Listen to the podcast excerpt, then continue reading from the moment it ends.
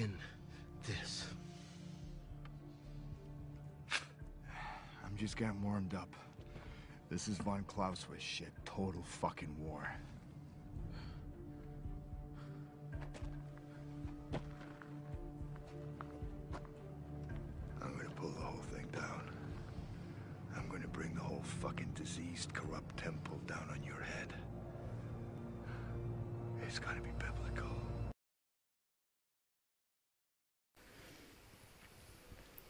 Hej vänner! Varmt välkommen till Sommar med Fröken Vithatt. Och idag är det den 19 augusti 2023. Ja, det var ju en ny koranbränning igår. Ja, det var igår va? Ja. Jag vet inte. Är det någon som har missat vad Erdogan sa? Vad sa Erdogan? Han sa att eh, nej till Sverige i Nato så länge koranbränning tillåts. Okej, okay. tror vi att han har ändrat uppfattning på något vis? Är han en man som bara jag säger en sak och sen glömmer jag bort det och skiter i det? Jag tror att lagt kort ligger. Jag tror att det han har sagt är det som faktiskt gäller. Så att eh, Sverige har skitit i det blå skåpet. Och nu är det så här. För att inte reta björnen extra mycket så är det så att vi har eh, vi har Zelensky i Sverige just nu. Ja. Då skriver Tatjana Andersson så här. Zelensky är i Sverige nu. Putin träffar sina generaler. Om Ryssland tar Kiev snart, Kiev snart och ska kräva att få Zelensky också. Vill Sverige utelämna honom eller inte? Varför väljer Zelensky att komma hit? Vill Sverige dra sig ännu djupare in i konflikten med Ryssland? Ja, hörni. Mm, det är ju en bra fråga. Jag vet inte riktigt eh, Mm. När det svenska folket ska inse att det finns inte en enda björn som vi inte har retat upp. Och apropå björn så kan man säga att eh, eh Kadyrov, tjetjenske ledaren, han skriver eh, Göran Strands här. Herr Kadyrov och hans underrättelsetjänst som infiltrerat Isis som Ericsson finansierat. Vad kan han veta? Han slutade, hur slutade andra Tjetjenienkriget? Känns igen. Och då är det ju då att Ramzan Kadyrov uppmanar till våld mot Sverige. Den tjetjenske ledaren Ramzan Kadyrov uppmanar till våld mot Sverige och andra länder där koranbränningar skett, skriver DN och hänvisar till hans ryskspråkiga telegramkonto. Varför tillåter de att våra heliga skrifter öppet kränks? Och tar inte någon, några betydande åtgärder för att skydda muslimer och den muslimska religionen? Frågar sig Kadyrov på det sociala nätverket. I en video som också är publicerad på hans telegramkonto säger Kadyrov enligt DN När vi är färdiga i Ukraina är det dags att resa till de länder där Koranen skymfas. Mm. Ja, hörni. Och jag ska faktiskt läsa upp eh, Magda Sylinska Stens eh, inlägg. Hon som är så fantastisk och gör de här videorna om skatt och, och eh, en morsas funderingar om ekonomi. Och eh, jag tänkte att vi ska läsa upp här vad Magda skriver. Situationen i Sverige är helt absurd just nu. Den värsta fienden, Ryssland, bedriver fullskaligt krig i Ukraina och vilken dag som helst kommer utöka sina territoriella, territoriella drömmar och attackera Sverige. Därför behöver vi gå med i Nato. Men Erdogan säger inget Nato så länge koranbränningar sker. Alltså Magda är ironisk här. Hon pratar om vad det offentliga narrativet är. Att det här är en fullskalig invasion och så vidare. Det, vi måste läsa in ironi och eh, ibland är det vissa missar ironi. 57 muslimska länder hade ett speciellt möte för att diskutera koranbränningar i Sverige. Carl Bildt varnar att Sverige kan hamna i, ett ren, i en rent explosiv situation på grund av koranbränningarna. Al-Qaida upp, har uppmanat till terrorattack mot Sverige på grund av koranbränningarna. Idag höjde man terrorhotnivån i Sverige på grund av koranbränningarna. Och samtidigt så ger man tillstånd att bränna ytterligare en koran. Ja, alltså nu måste folk börja verkligen tänka till. Om de nu inte förstår det här så är det ju på sin plats att bli arg på Sverige. De måste ju inse att det som målas upp här är faktiskt en hotbild mot Sverige. Vi vet att det här är ett folkbildningsprojekt och att det här ska spelas ut. Men om vi bara tänker på att du köper det offentliga narrativet och inte reagerar vid det här, vid det här laget, då är det, det är konstigt. Det är väldigt konstigt. Och så fortsätter Magda så här. Den svenska staten utsätter sitt eget folk för en enorm fara. Eller hur? Och varför? Officiellt för att skydda yttrandefriheten. För att visa hela världen hur duktiga vi är. Japp, ni läser rätt. Yttrandefriheten. Men vänta lite. Är handlingsfrihet samma sak som yttrandefrihet? Om Salwan Momika skulle hamna i bråk med sina grannar och ville uttrycka sitt missnöje och ansökte om tillstånd att bränna deras hus. Skulle då den svenska polisen, svenska staten bevilja tillstånd att bränna grannarnas hus med anledning av yttrandefriheten? Nej, det tror jag inte. Men jag börjar nu att vara lite fundersam på grund av frikostiga tillstånd att, att bränna böcker. Men tillbaka till yttrandefrihet. Att prata om att bränna något är helt annat än att bränna något. Att prata är att yttra sig. Att bränna är en handling. Yttrandefrihet är inte samma sak som handlingsfrihet. Vad jag, vad jag vet så finns det ingen handlingsfrihet i Sverige. Och även om det handlade om en mans yttrandefrihet väger den tyngre än alla andras säkerhet. Ja, inte bara det, det var ju eldningsförbud också.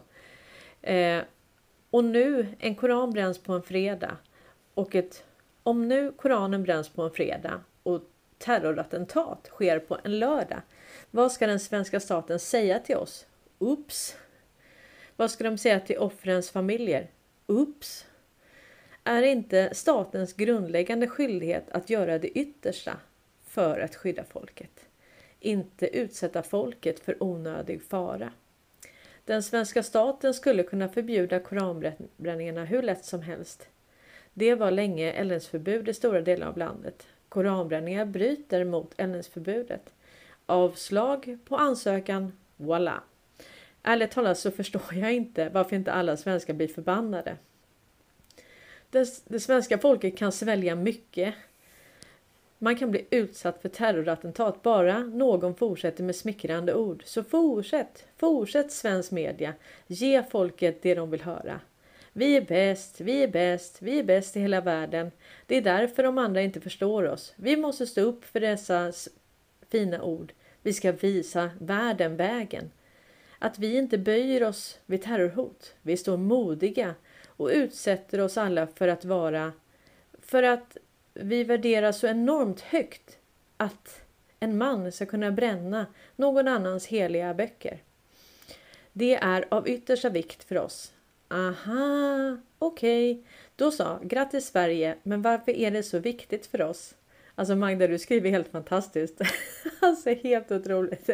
Resten av världen förstår nog inte varför detta sker. Jag hoppas förstås att svenskarna förstår varför detta sker.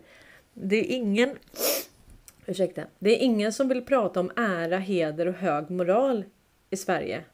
Du tror mig inte? Nej, testa, försök. Du kommer anses som gammaldags och här är det viktigt att vara modern. Så varifrån kommer den fantastiska svenska moralen som gör att man riskerar terrorattentat för högre principer? Det kanske överförs med bröstmjölken Fortfarande från fornstora dagar. Jag vet inte. Det är ett mysterium. Men, men, det kan inte vara så farligt. Putin, al-Qaida, högerextrema våldsbejakande islamister. Det är säkert lugnt. Svensk polis uttalar sig att vi har väl utarbetade sätt för att mäta och hantera terrorattentat. Ja, hur var det nu? Hade man inte avvärjt, vad var det, tio attentat bara på en dag? Jag vet inte. Det var, det var många i alla fall. Vänta, är det samma polis som inte har kontroll över skjutningarna? Nej, från statsminister får vi råd leva som ingenting har hänt. Från MSB får vi råd att inte gå med hörlurar. Nej, vi måste ju vara redo. Då så, vilken teater. Tänk om det handlar om något helt annat. Ja, Magda. Det är fantastiskt. Magda kommer ju från Polen och Polen har ju räddat oss och kommer säkert, säkerligen att rädda oss igen. Det är fantastiskt med eh, alla de här rösterna. Och det är fantastiskt att sitta här och bara få läsa upp vad ni skriver för det är ja, det är helt fantastiskt. Och hur alla vi hjälps åt. Och hur var det nu med den här eh, koranbrännaren? Hade inte han setts vifta med något vapen eh, i Irak eller? Jag vet inte. Eh, här står det då. Det är SVT va? Bilderna på koranbrännarna utreds av Migrationsverket. Migrationsverket utreder koranbrännaren Sal Salwan Momikas rätt att vara i Sverige. Enligt SVT Nyheters uppgifter har myndigheten konfronterat honom med flera bilder från hans förflutna i Irak. Bland annat när han poserar med vapen. Salman Momik har haft sina aktioner utanför en moské, Iraks ambassad och riksdagen. Nu även i närheten av Irans ambassad. Eh, kan det här vara Kan det här vara en legosoldat? Kan det vara underrättelsetjänst? Det kan det vara. Det kan det vara. Det vet vi inte. Men eh, mm. Det är intressant att se hur det här eh, kommer utspela sig. Och eh, här ska vi spela upp ett litet klipp om vilka mål som är oj, som är under hot. Det är fyra kategorier. Och eh, tänk nu på att det här handlar om eh, jag tror att det här handlar om att eh, mm, Jag tror att det här handlar om att skydda politiker och myndighetspersoner framför allt. Och eh, det tycker jag är bra, ska jag säga. För att när svenskarna får reda på vad de här har gjort. Vad svenska politiker har gjort, vad svenska företag har gjort. Hur historien har förvanskats och hur vi har blivit lurade kring allting från mainstream media. Så kommer det bli tuffa tider jag hade inte velat vara i mainstream media och jag hade inte velat vara politiker. Och jag hade inte heller velat vara underrättelsetjänst. Och då är ju frågan om det är om det är den amerikanska militären. Om det är militären som ska se till. Jag vet inte. Vi får hoppas att det går lugnt och städat till. Jag säger det igen. Det finns ingen anledning i det här läget att liksom elda på någonting utan vi måste vara nyktra, realistiska och inte naiva. Det är alltså allvarliga, det är allvarliga brott som Sverige har begått och de här politikerna Ja, det var helt fel att skratta där, men ibland så hanterar man känslor olika. Det här är ju liksom så sjukt. Det är så surrealistiskt att ibland måste man skratta åt det fast, fast det är helt galet.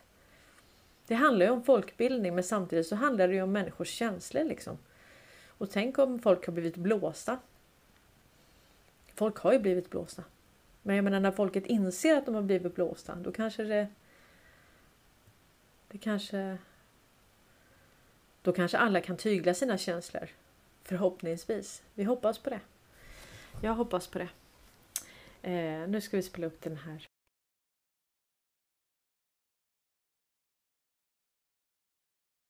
I torsdags höjdes terrorhotnivån i Sverige och det finns vissa mål som är mer i riskzonen för ett eventuellt terrordåd än andra, enligt Säpos egen bedömning. Magnus Ranstorp, terrorforskare och lärare vid Försvarshögskolan, fördjupar vilka mål det rör sig om. Den första kategorin är svårskyddade offentliga platser där det rör sig mycket folk. Det brukar ju ofta vara attacker på sådana här offentliga miljöer. Sedan nämner man religiösa mål och särskilt judiska institutioner.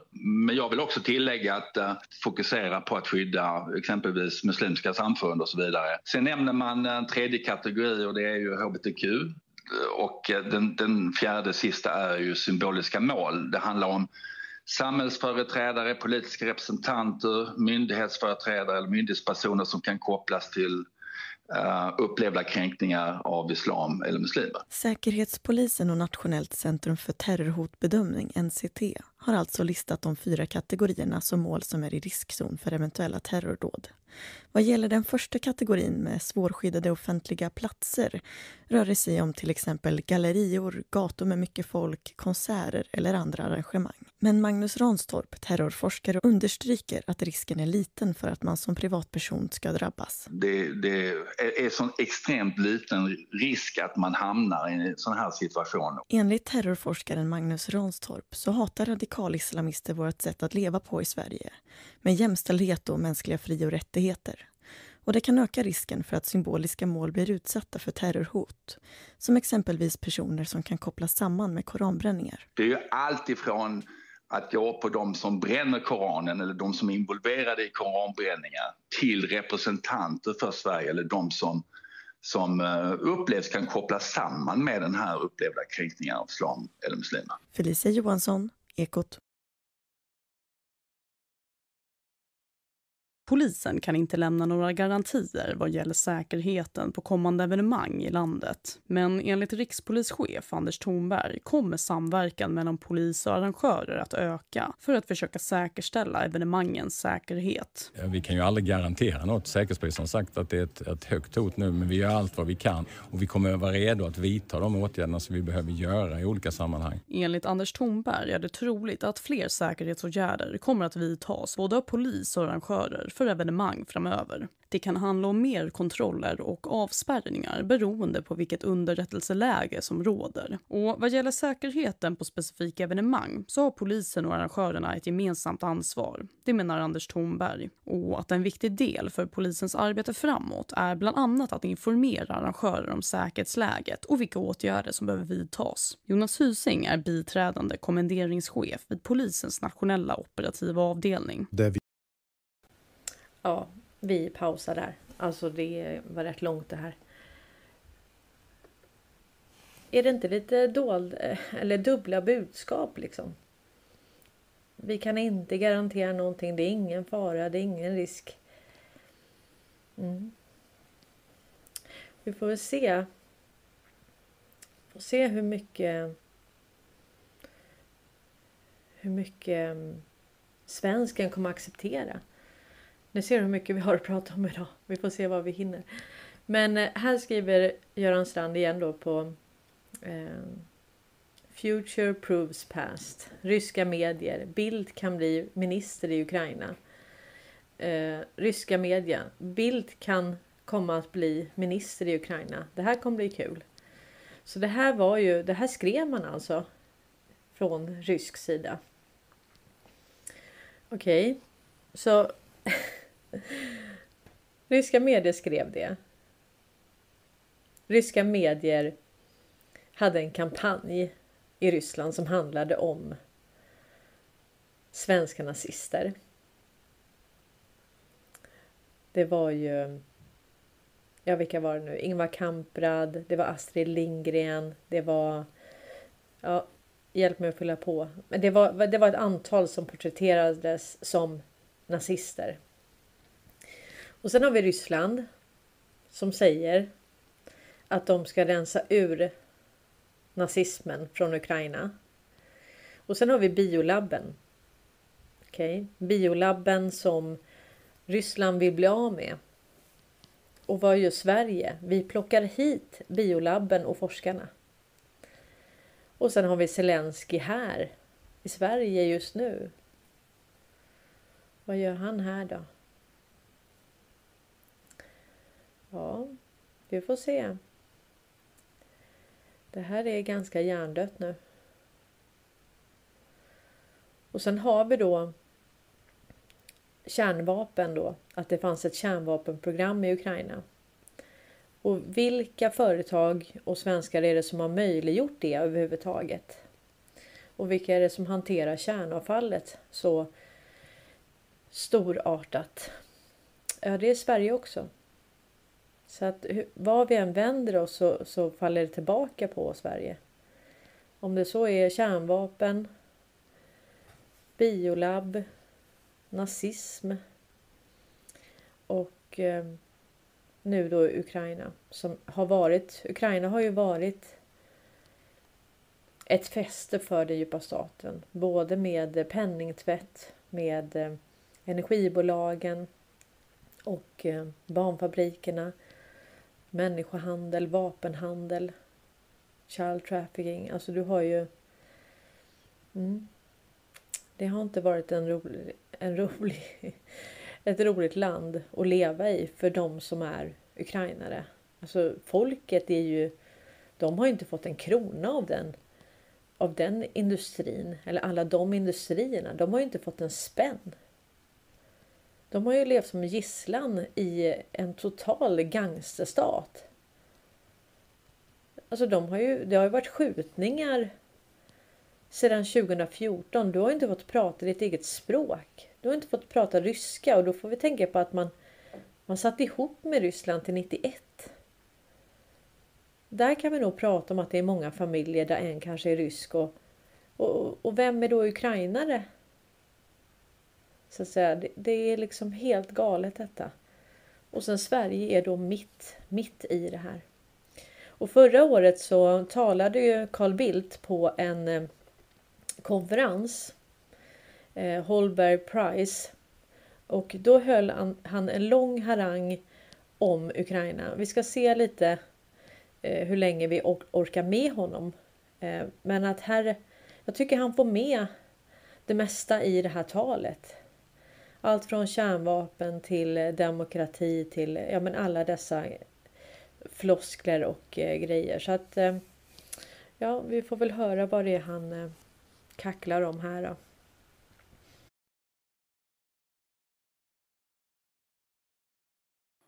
In our immediate part of the world, Finland and Sweden will soon enter NATO. Denmark has given up its reservation against security and defense dimensions of the European Union. NATO will further enhance its forward presence in the Baltic countries. There are 20,000 more US soldiers on European soil, than just a year ago. All countries are increasing their defense expenditure. And NATO and EU will move closer together.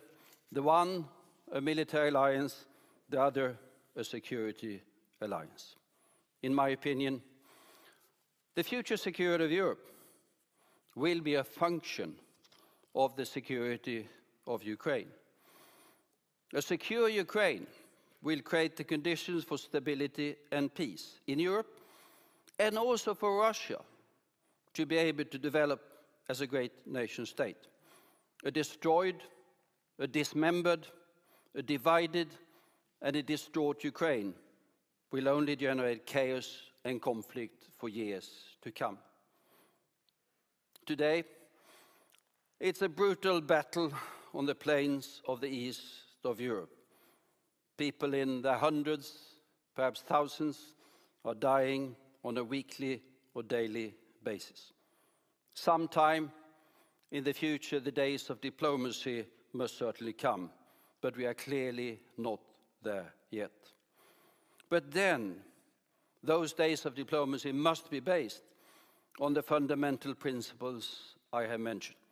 The peace and stability of Europe must be based on them.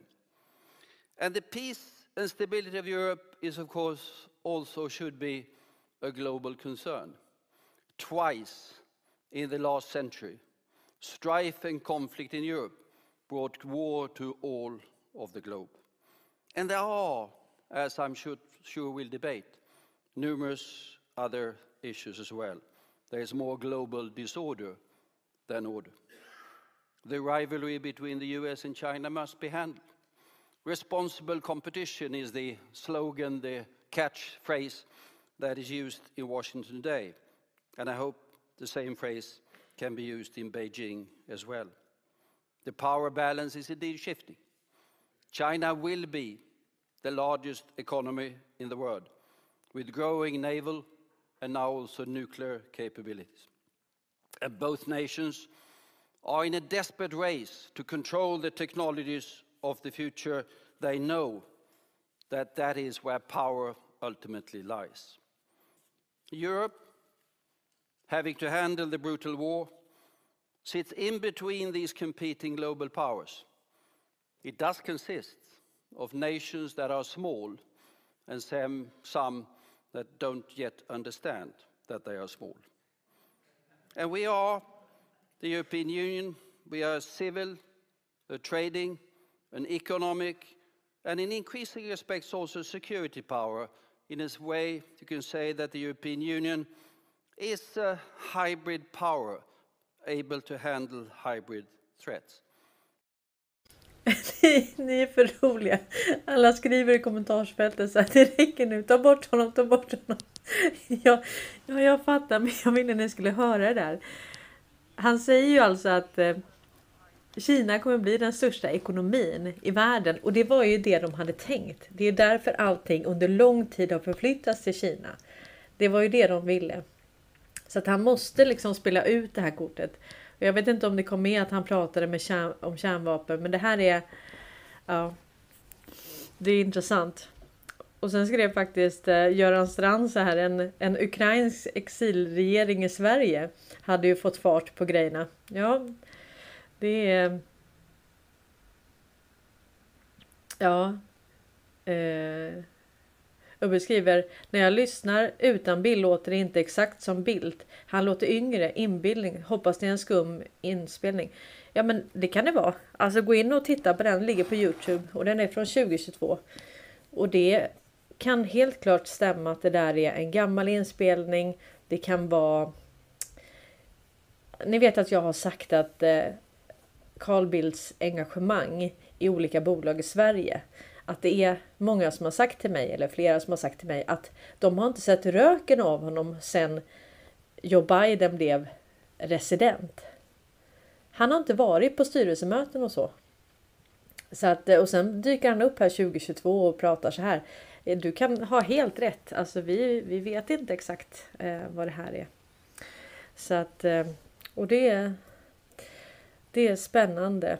Jag tänkte jag skulle prata lite om det här med, eh, eh, med P. Ni kommer ihåg att jag pratade om det häromdagen. Men först så måste jag bara dela det här. Det här är väldigt, väldigt kul. Och det är Elon Musk. Han ska då ta bort möjligheten att blocka folk. Och jag är ju blockad av eh, Magdalena Andersson på, eh, på Facebook förvisso. Men jag vet att det är väldigt många av er som är blockerade av eh, svenska politiker på Twitter och har varit under lång tid. Även så hoppas jag att han tar bort möjligheten att, eh, att folk inte kan kommentera. För vi vet, vi vet ju att eh, när Löfven var, ja vad han nu var, statsminister. Då så tog han bort möjligheten att kommentera. Så att du fick inte, det blev ju sånt backlash vad han än skrev. Så att han tog bort det, han ville inte se kommentarerna helt enkelt. Så att, eh, och nu ska man då, nu kan man inte blocka längre. Alltså man kan inte både säga att man vill ha yttrandefrihet och inte censur och samtidigt kunna censurera själv. Men sen måste man också ta bort, för ibland, ni vet ju trådarna och så kommer det liksom troll, alltså algoritmer som skriver liksom 57 kommentarer och tar över hela kommentarsfältet. Det funkar inte heller. För det är ju inte vanliga människor som yttrar en åsikt utan det här är ju algoritmer som bara ligger och skriver kommentar på kommentar på kommentar. Så att eh, det ena måste liksom gå hand i hand med det andra. Vi kan ju inte ha troll som tar över och tystar debatten genom att skriva liksom en mängd inlägg så att ingen annan får komma till tals. Det bara blir så här brr. Det funkar ju inte heller. Så att det är en, det är, vi är i ett skifte och eh, jag tror att Elon Musk har järnkoll på det här. Han kommer säkerställa det. Eh, men här har vi då. Det var den här som började. Vi se om ni kan se här. Så. Det här var ju då ett konto som blev retrutad av eh, Donald Trump och det är P. Så att eh, Trump skrev då ett en truth. Och så skriver han worst P ever. Och P det är då här skriver han eh, ja, det är inte så viktigt vad han, eller det är jätteviktigt vad han skriver här, men jag ska komma till saken. Eh, de har ju då fingerat hans, eh, alla de här undersökningarna. Ni vet ju de här undersökningarna att ja, men nu leder Socialdemokraterna, nu leder Moderaterna. Allt det har ju manipulerats för att då fungerar det ju så att det här är ju för att styra opinionen. För om du tänker så här oj, nu leder Socialdemokraterna och så hade du tänkt rösta på något annat. Men då tänker du så här, det kommer inte spela någon roll vad jag röstar för majoriteten kommer ändå rösta på det här. Och på så vis kan man hela tiden manipulera Eh, och få folk på bättre tankar så att säga genom att lägga ut såna här falska undersökningar. Eh, och det är så man använder det hela tiden. Eh, on top of all that, I'm the only one beating by a lot Crockett Joe Biden, the worst P ever. Och P då, vi ska se, då är det någon av er här som har gjort den här decoden. Eh, jag vet inte vem av er. Ni får gärna skriva om det, om det är ni som har gjort det här. Eh, men här är då post 416. Då står det Soros takes order from P. You have no idea how sick and evil these people are. Fight, fight, fight. Days, day of days. Game over. Q. Så här menar de att Soros tar order från P. Och då har vissa i USA först trott att det har varit påven och men det har nog varit ett år ungefär som väldigt många har räknat ut att P är Wallenberg. Peter Wallenberg junior. Peter Poker Wallenberg. Och eh, det här är intressant. Så det är en med P. Och varför skriver man då inte ut vem P är? Nej, för att det handlar om att eh, det är ett krig med två sidor. Och överraskningsmomentet måste finnas där. Och folk måste själva hitta sanningen. Och man kan inte säga i klartext till fienden att man förstår precis vem fienden är och hur nätverket är uppbyggt. Det säger sig självt. Du kan inte ta ner ett kriminellt nätverk genom att skriva i tidningen att eh, hallå, vi vet exakt allt vad ni gör. Vad kommer de börja göra då? Då kommer de börja städa upp efter sig. Så att det tycker jag är logiskt i alla fall. Eh, och här är då post 396. Och här står det också eh, Sea to Shining Sea, Direct Code. Alltså det är det här jag menar. Det här vet vi ju knappt. Om Göran och ni vet vad det här betyder så får ni gärna säga till. Men här står det då P. Show the world our power. Red October Q. Sweet Dreams. P. Purse Public Not Private. Mm. Det är sånt som återstår att dekoda. Och sen har vi då Eh, en annan här som har gjort en förtjänstfull decode. Eh, då är det, här är då hans tweet och så P och så the P at the end of tweet today då är det post 714. Då står det highly mess with the beast, die like the rest. 2. Highly classified clown ops exposed. Clown är ju då CIA, så deras operationer är exponerade. 44 remaining, Wizard and Warlocks. Save the best for last, P. Mm. Så att eh, det här är det sista som ska hända. Det är att Pi blir exponerat. Och sen har vi då post 802 här. Ser ni? Ja, och det här är från 21 februari 2018. Patriot, a person who loves, supports and defends his or her country and its interest with devotion. 2. A person who regard himself or herself as the defender, defender especially of individual rights against pre-summed interference by the governor, federal government. Traitor. Nej, precis. Så att en patriot är någon som inte vill ha inblandning från regeringen. Vi vill ju kunna styra oss själva, inte att vi liksom inte att folk får. Det kan ju inte bli laglöst för det. Men vi kan inte ha en regering som går ut och berättar för oss vad vi kan eller inte kan, kan eller får säga. Och det var någon som skrev här också att eh, eh jag får ju säga helt plötsligt vad jag vill. Jag har blivit av med två kanaler på ett halvår innan. Och så startar jag den här och så helt plötsligt så eh, får jag säga i stort sett vad jag vill. Jag har fått två gånger som jag har fått eh, åldersbegränsning. Annars har jag inte fått. Jag har inte upplevt någon censur på. Ja, så länge jag hållit på här nu. Eh, och speciellt inte sen jag började med de här eh, eh, sommarprogrammen. För då har jag varit innan har jag varit lite försiktig liksom och hänvisat till Rumble. Eh, men nu är det bara fullt ös liksom. Eh, Patriot då. One. A person who betrays eh, traitor betyder då a person who betrays another, a cause or any trust, a person who commits treason by betraying, betraying his or her country. Ja, det här blir spännande. P. Save the best for last. Och det är klart att man tar ju kärnan sist. Det säger ju sig självt. Och jag tror att amerikanerna hade väldigt svårt att tänka att det skulle kunna vara ett litet land med typ 10 miljoner invånare som har som är kärnan i den djupa staten. Det tror jag verkligen att eh, det, det tror jag inte de hade trott på faktiskt. Om jag ska vara ärlig. Det hade de absolut inte trott på.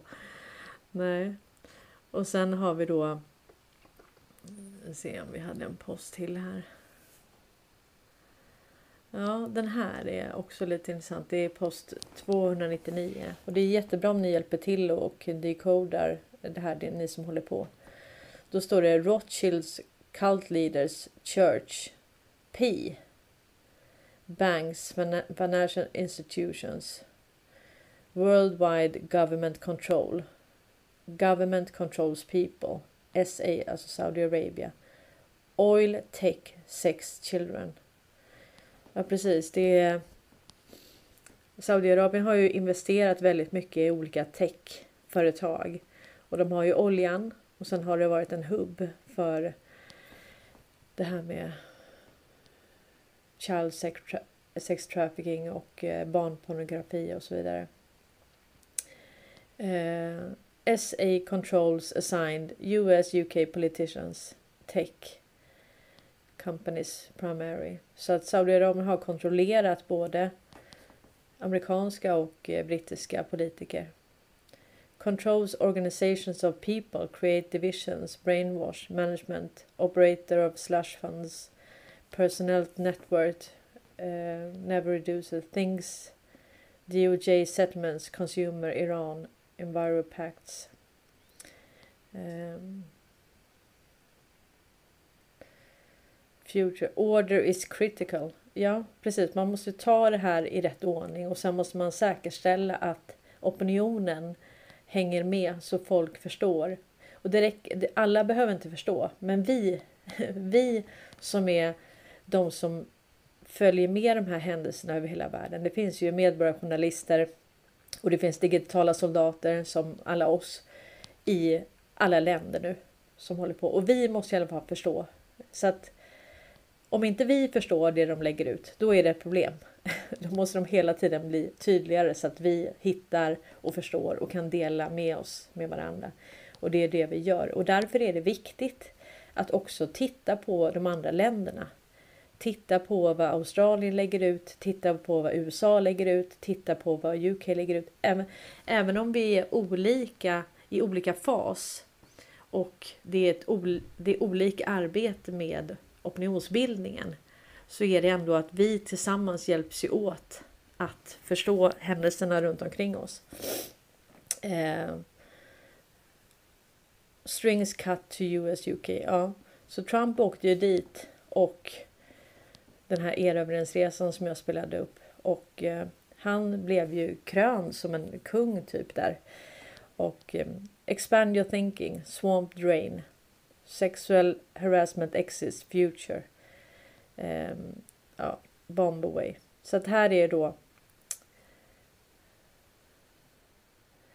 Och varför visar jag sånt här? Jo, jag visar det för att vi måste förstå att all, varenda mening betyder någonting. Och den som säger att de förstår precis allting som Q har lagt ut. Oavsett hur länge du har försökt sitta och klura på det här och hjälps åt i vårt community, man ska säga. Jag tror att den ljuger. Jag tror inte att allting ens är menat för oss, så att säga. Utan det är utlagt av eh, till militären och så vidare. Så att eh, det är väldigt intressant. Det är väldigt intressant om P är Wallenberg. Det är riktigt intressant. Och det kommer vi att få reda på. Mm. Vad skriver ni?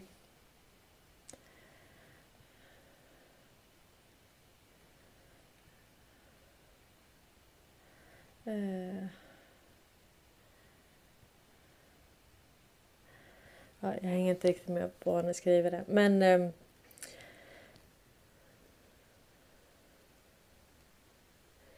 Ja, vi kan ta det här. Vi kan faktiskt ta det här med terrornivån. Det var någon som la ut det här. Det är väldigt viktigt nu att förstå definitionen på saker. Och eh, terrornivån då har ju den här femgradiga skalan. 1. är inget hot. Inget hot har identifierats. 2. är lågt hot. Sannolikheten att aktörer har avsikt och förmåga att genomföra attentat är låg. Förhöjt hot. Sannolikheten att aktörer har avsikt och förmåga att genomföra ett attentat är förhöjt. Och det är här vi har legat hela tiden. Vi har ju aldrig legat på hot nummer fyra där de nu har höjt till och där står det högt hot. Sannolikheten att aktörer har avsikt att, och förmåga att genomföra attentat är hög. Hotnivån 4 kräver att det ska finnas ett konkret hot mot Sverige och det är här de säger nu att nu helt plötsligt så behöv, behövs det inte det. Utan det är en sammantagen bild. Mm. Vi får se om, de, om det är det. Och fem då, det är mycket högt. Sannolikheten att aktörer har avsikt och förmåga att genomföra attentat är mycket hög. Krävs att ett konkret hot ska vara nära förestående eller överhängande. Denna nivå har hittills aldrig använts. Och det här är källan då EUs säkerhetspolisen.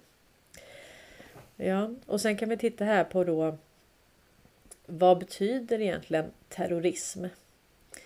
Och enligt svensk lag och EUs lag så definierar terrorism en straffbar gärning, till exempel mord, som allvarligt ska kunna skada en stat.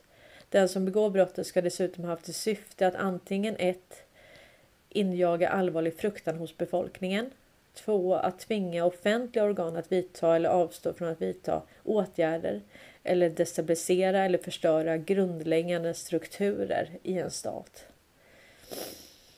Det här är ju det som den djupa staten har begått. i land efter land efter land. Ni vet det vi spelade upp igår med Ricardo Bossi från Australien. Det är ju intressant och jag såg sen att jag hade min mikrofon en bit ifrån mig så det var därför jag hördes lite lägre då. Jag försökte höja upp det i återuppladdningen. Jag hade inte tänkt säga någonting efter den videon. Men det är ju väldigt intressant att man kan säga att de här, de här intressena, de här liksom rogue elements, de här eh, korrupta elementen har ju belägrat hela världen.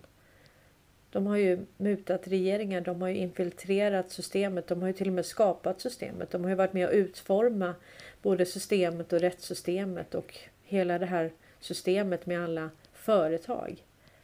Det har man ju skapat, varit med och skapat och satt det här på plats. Så det var ju länge sedan som vi folket hade någonting att säga till om på det viset. Eh, och här står det terrorism från latinet terror och det betyder rädsla och fruktan. Det är det systematiska och hänsynslösa användandet av våld eller förstörelse för att genom, genom att injaga rädsla försöka tvinga fram politiska förändringar. Begreppet härstammar från jakobinernas regim de la terror, eh, terror skräckväldet under franska revolutionen. Ja, men så här har man väl gjort eh, i... Man har väl alltid gjort så här så att säga. Jag kommer ihåg min pappa.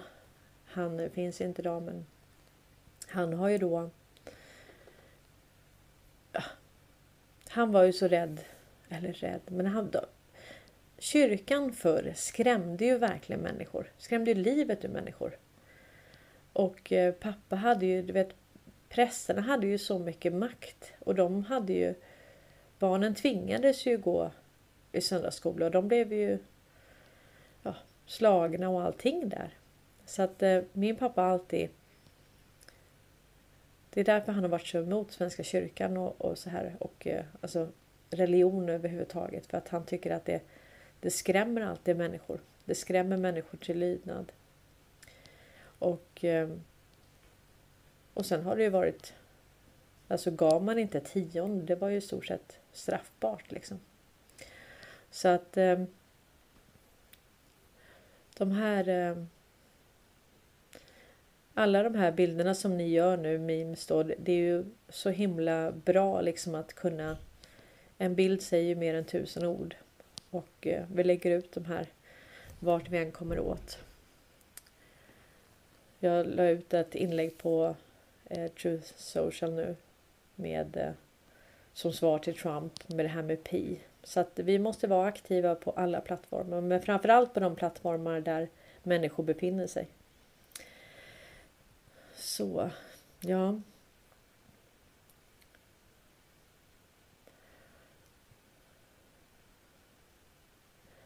Och det är ju dags för att revidera Sverigebilden. Wolfgang Hansson nu på Aftonbladet. Han har skrivit en lång harang om, eh, om Sverigebilden. Och det lyder så här. Sverige slår bäst ur underläge, kan vara nyttigt att puttas ner från tronen. Efter koranbränningarna så är vi ett prioriterat mål för islam, islamistiska terrorister att terrornivån höjs. Den svenska kronan har blivit en skräpvaluta. Gängskjutningar svärtar ner Sveriges rykte utomlands. Mitt i allt elände som drabbar oss kan det ändå finnas något positivt med att Sverige puttas ner från tronen som ett föregångsland. Ja, nu ska vi revidera vår självbild här. Nationen Sverige brukar vara bäst när vi slår ur underläge. Jaså, när var Sverige i underläge sist då? Det måste ju ha varit rätt länge sedan, Wolfgang.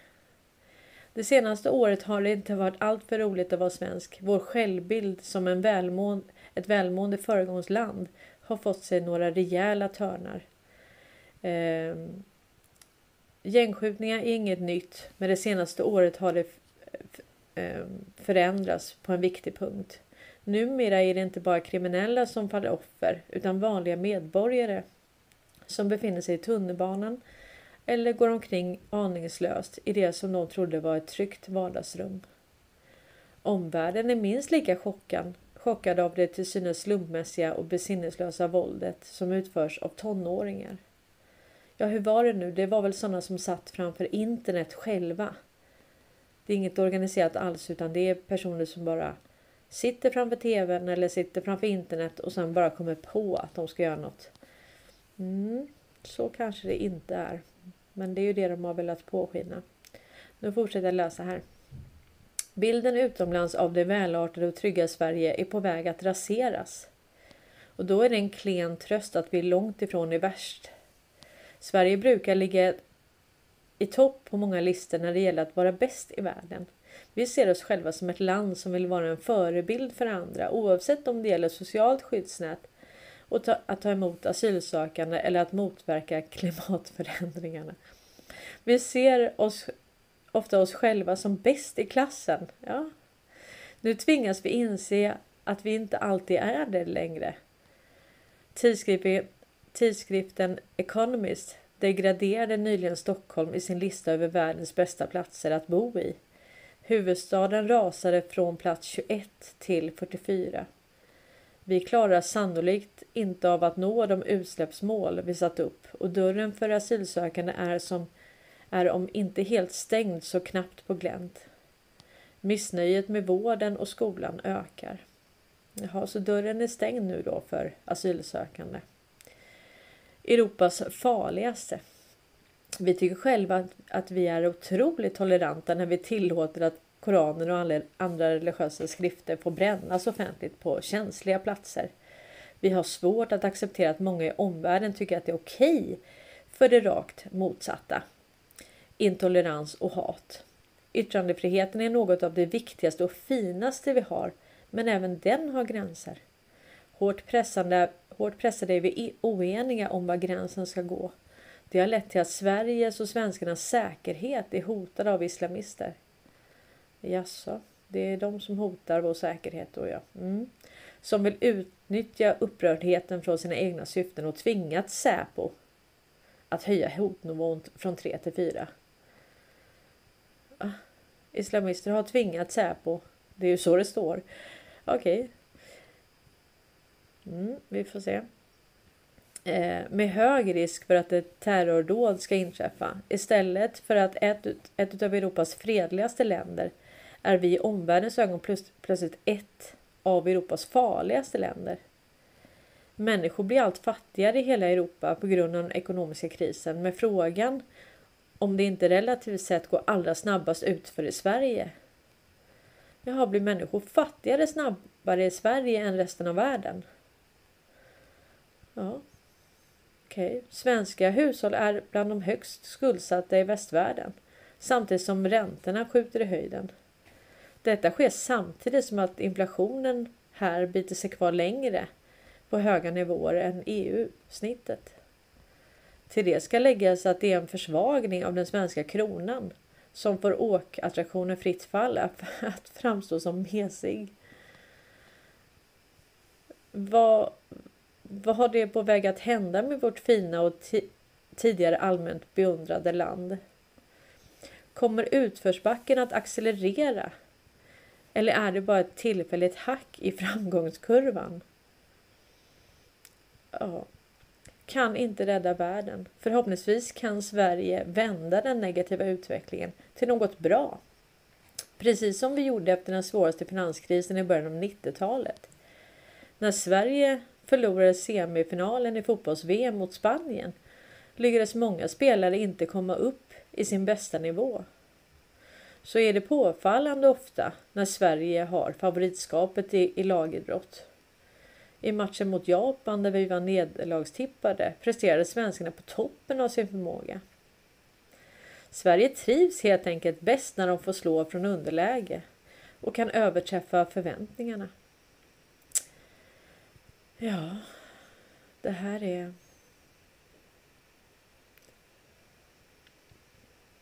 Jag hoppar ner lite. Då står det så här.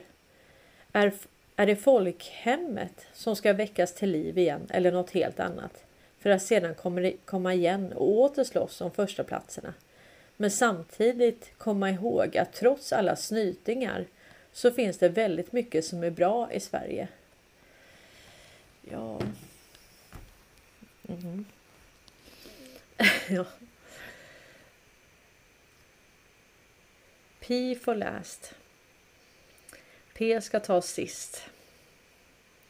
P exponeras i hela världen. Wallenberg. Ja. Vad skriver ni?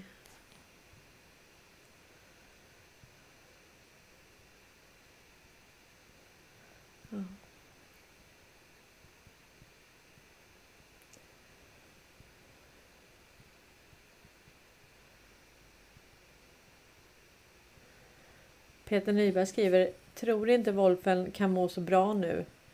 Han kanske anar att snart är det slutskrivet och dags att berätta vad han egentligen har gjort eller inte gjort. Marianne skriver en ravin i framgångskurvan. Ja. Tänk att vara journalist och ha ljugit för befolkningen hela tiden. Bara gjort sitt jobb. Mm. Och det var några av er som visade mig att eh, den här Law of War Manual. Det här är en gamla version jag ska ta upp nu. Eh, men den är i alla fall. Den här är ju uppdaterad december 2016. Men nu blev den faktiskt uppdaterad igen. I juli 2023. Så att eh, det ska bli spännande när eh, vi har grävt färdigt och se vilka ändringar och vad som har tillkommit i manualen nu. Ja. Ska vi se om jag hade någonting mer idag. Ja, det här var lite intressant. Vi har ju pratat mycket om 1917. 1917. 1917 var ju året då eh, Knut och Alice Wallenberg startade den, deras eh, fond va? Eh, FAM. Var det FAM? Ja, en av deras stiftelser var i alla fall de startade.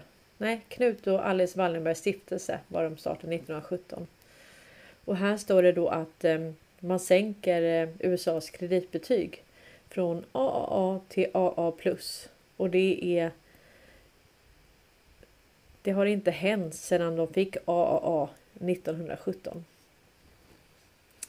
Så det är också intressant med 1917.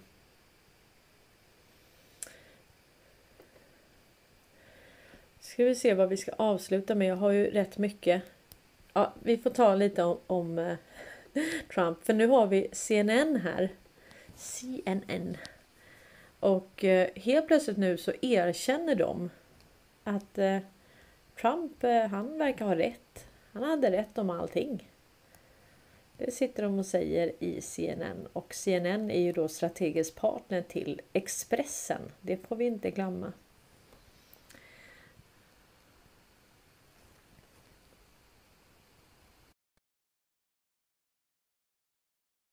And uh, Kristen, uh, Glenn Kessler from the Washington Post uh, had a fact check about Joe Biden uh, from earlier this month, um, noting that Hunter Biden admitted in court in July that he was in fact paid substantial sums uh, from Chinese companies. Kessler wrote Hunter Biden reported nearly 2.4 million in income in 2017 and 2.2 million in income in 2018, most of which came from Chinese or Ukrainian interests. But this, and this directly goes against what Joe Biden said in the debate in 2020 uh, with uh, Donald Trump. Take a listen. My son has not made money in terms of this thing about uh, what are you talking about? China. Once you None became of that vice president, true. he made a fortune in Ukraine, in China, in Moscow, That is simply and various not other places. true. So it's from two different debates, but I mean, Trump was right.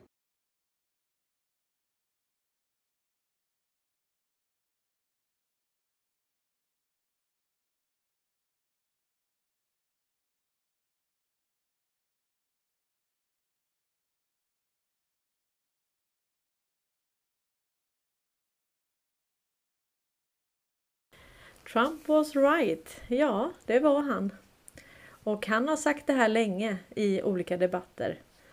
Hur Biden crime, crime Family har tagit emot pengar både från eh, frun till eh, Moskvas eh, guvernör var det va? Och eh, från Ukraina och från eh, Rys eh, Kina.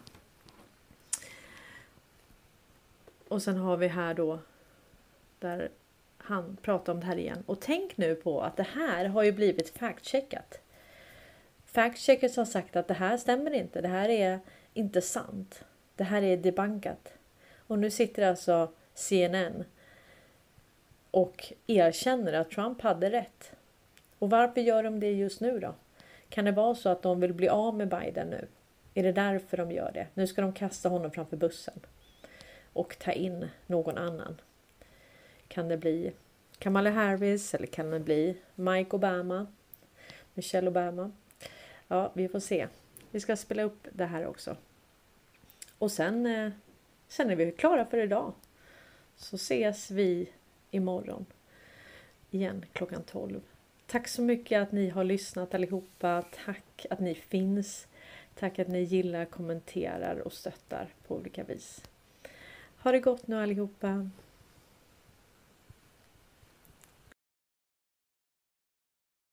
Now 100% proven that the Biden crime family received more than $20 million from foreign countries while Crooked Joe was vice president, and probably a lot more than that. That's just the money they found.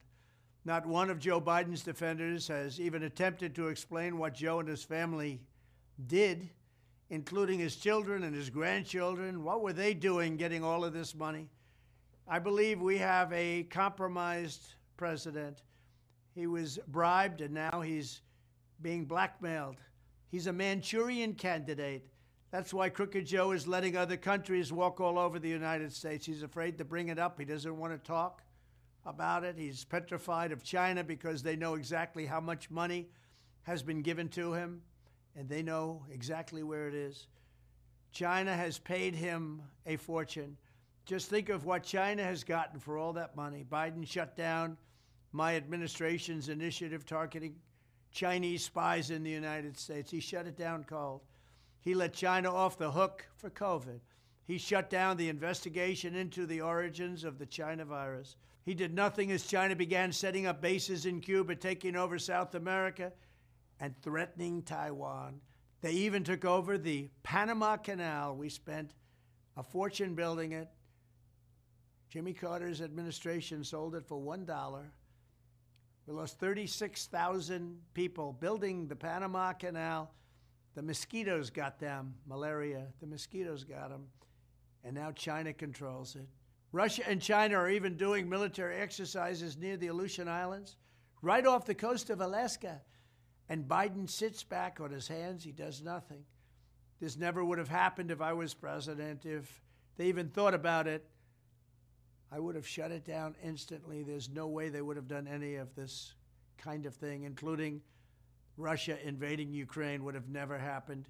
And China wouldn't even be thinking about Taiwan right now. Crooked Joe's corruption is a glaring threat to national security. Between the millions and millions of dollars he's gotten from China and the millions of dollars from Ukraine, Joe Biden's greed and criminality is going to get us into World War III. We're going to be in World War III with this guy. Grossly incompetent man.